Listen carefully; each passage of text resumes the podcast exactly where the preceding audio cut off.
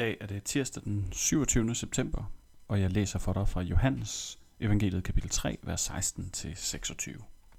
For således elskede Gud verden, at han gav sin enborne søn for, at enhver, som tror på ham, ikke skal fortabes, men have evigt liv.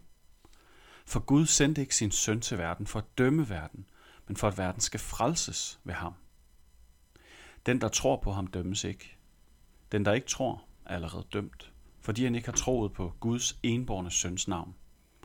Og dette er dommen, at lyset er kommet til verden, og menneskene elskede mørket frem for lyset, fordi deres gerninger var onde. For enhver, som øver ondt, hader lyset, og kommer ikke til lyset, for at hans gerninger ikke skal afsløres. Men den, der gør sandheden, kommer til lyset, for at det skal blive åbenbart, at hans gerninger er gjort i Gud. Derefter kom Jesus og hans disciple til Judæas land. Der var han en tid sammen med dem og døbte. Også Johannes døbte i Enon ved Salem, for der var der meget vand, og folk kom og blev døbt, for Johannes var endnu ikke sat i fængsel.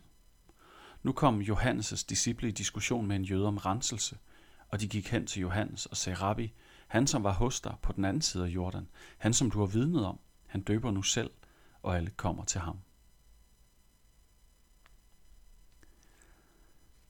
I dag der render vi både ind i nogle af de aller, aller vigtigste budskaber, som Jesus han kommer med, og vi møder igen øh, Johannes, døberen, Jesu fætter, Jesu familiemedlem, som øh, stadigvæk er i gang med sit virke, selvom at Jesus har startet sit op. Det allervigtigste budskab, Jesus kommer med, det er, hvem han er, og hvorfor han er her, og hvad han er her for at gøre. Og når vi begynder med Johannes evangeliet kapitel 3, vers 16 og frem efter, så får vi en af de mest berømte kristne one-liners fra skriften om, hvorfor Jesus kom til verden. At Gud elsker verden. Lad os stoppe der. Gud elsker verden.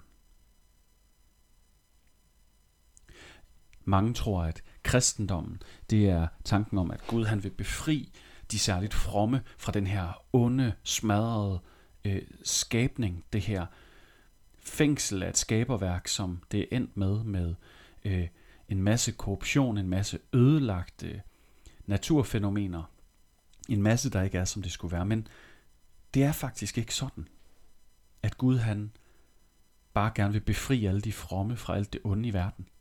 Nej, Gud elsker verden. På græsk står der, Gud elsker kosmos. Og Gud elsker kosmos således, altså så meget, at han giver sin eneste søn, Jesus Kristus, for den hver, som tror på ham. Lad os stoppe der. En hver, der tror på ham. En hver, der har, ifølge Luther, så det at tro på noget, det er øh, at knytte dit hjerte ved, stole på og have tillid til. Din Gud er det, du knytter dit hjerte ved, altså det, du lægger dit håb i. Det, du stoler på og har tillid til det du lader tale til dig.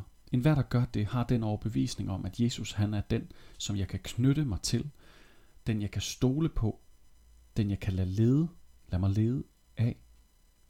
En hver, der gør det, skal ikke fortabes, men have evigt liv. Der er den tredje del. Der er en mulighed for ikke at have evigt liv, men have evigt ikke-liv. Det er jo en del af den kristne virkelighedsfortælling, at Gud på den sidste dag ikke vil tvinge nogen ind i himmeriget. At når Jesus kommer igen, vil han ikke med øh, vold og magt sige til et hvert menneske, der har sin egen vilje og selv bestemmer, du skal med mig i himlen. Basta. Nej, Gud han giver os friheden til at vælge ham, eller til at vælge ham fra. Og af uforståelige årsager, så beskriver Bibelen, at der er mennesker, der vil vælge ham fra. Og det er bare en del af virkeligheden. Og de mennesker, der vælger ham fra, er ikke bare mennesker, der på den sidste dag har en idé om, at de kan etablere noget federe, end det Gud han har i vente for os. Det er mennesker, som allerede ved at afvise Jesus, begynder deres desinteresse i det, som Gud vil. Så er der en vigtig sætning, at Gud han har ikke sendt sin søn for at dømme verden, først og fremmest, men for at verden skal blive frelst altså befriet fra alt det onde og smadre og ødelagte. Han vil forny den, ligger der også i at frelse. Han vil gøre den sådan, som den var tiltænkt. At den skal udleve sit formål. Hver eneste del af skaberværket skal det. Og den, der tror på Jesus, bliver ikke dømt. Det står fast. Den, der har tillid til ham, lad ham tale ind i deres liv. Og den, der ikke tror, siger skriften så, er allerede i et eller andet omfang dømt, fordi man ikke har interesse i det, som Gud vil og siger og ønsker og kommer med. Jesus taler her meget lige fremt til Nikodemus, som han stadig faktisk er i dialog med, og siger, at ondskab og godhed findes som kategorier i verden. Ondskab er ikke bare fraværet af godhed. Ondskabet er grundlæggende at ville noget andet end Gud. At øh, vælge ham fra og prøve at skabe noget selv. Fordi selvom at vi har evnen til at skabe, så ved at løsrive os fra ham, der har skabt os med en intention, så løsriver vi os også fra den intention, fra det oprindelige formål, vi var tiltænkt. Vi løsriver os fra lyset og foretrækker at arbejde i mørket.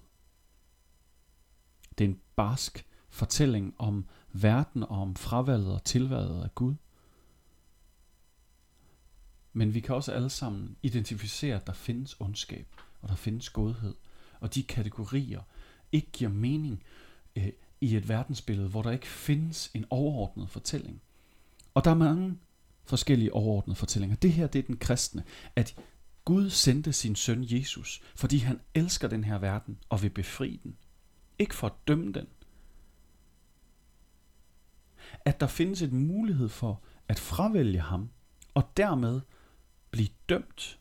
Blive dømt til at udleve det formål, man selv vælger, frem for at udleve det formål, man var tiltænkt. Og det hele afhænger af, om vi tror på ham. Om vi har tillid til, knytter vores hjerte ved, vores håb ved. Det han siger, det han siger er det gode liv, det han vil gøre for os. Lad os bede sammen. Gud, tak fordi du sendte din søn. Tak fordi du elsker den her verden. Du hader den ikke. Den er ikke dig imod. Du elsker den og ønsker at befri den. Og du elsker og ønsker at befri et hvert menneske. Gud, vi beder om, at de mange mennesker, som ikke har interesse i dig, at du vil vække en interesse. Vi beder om, at de mennesker, vi har allermest kær,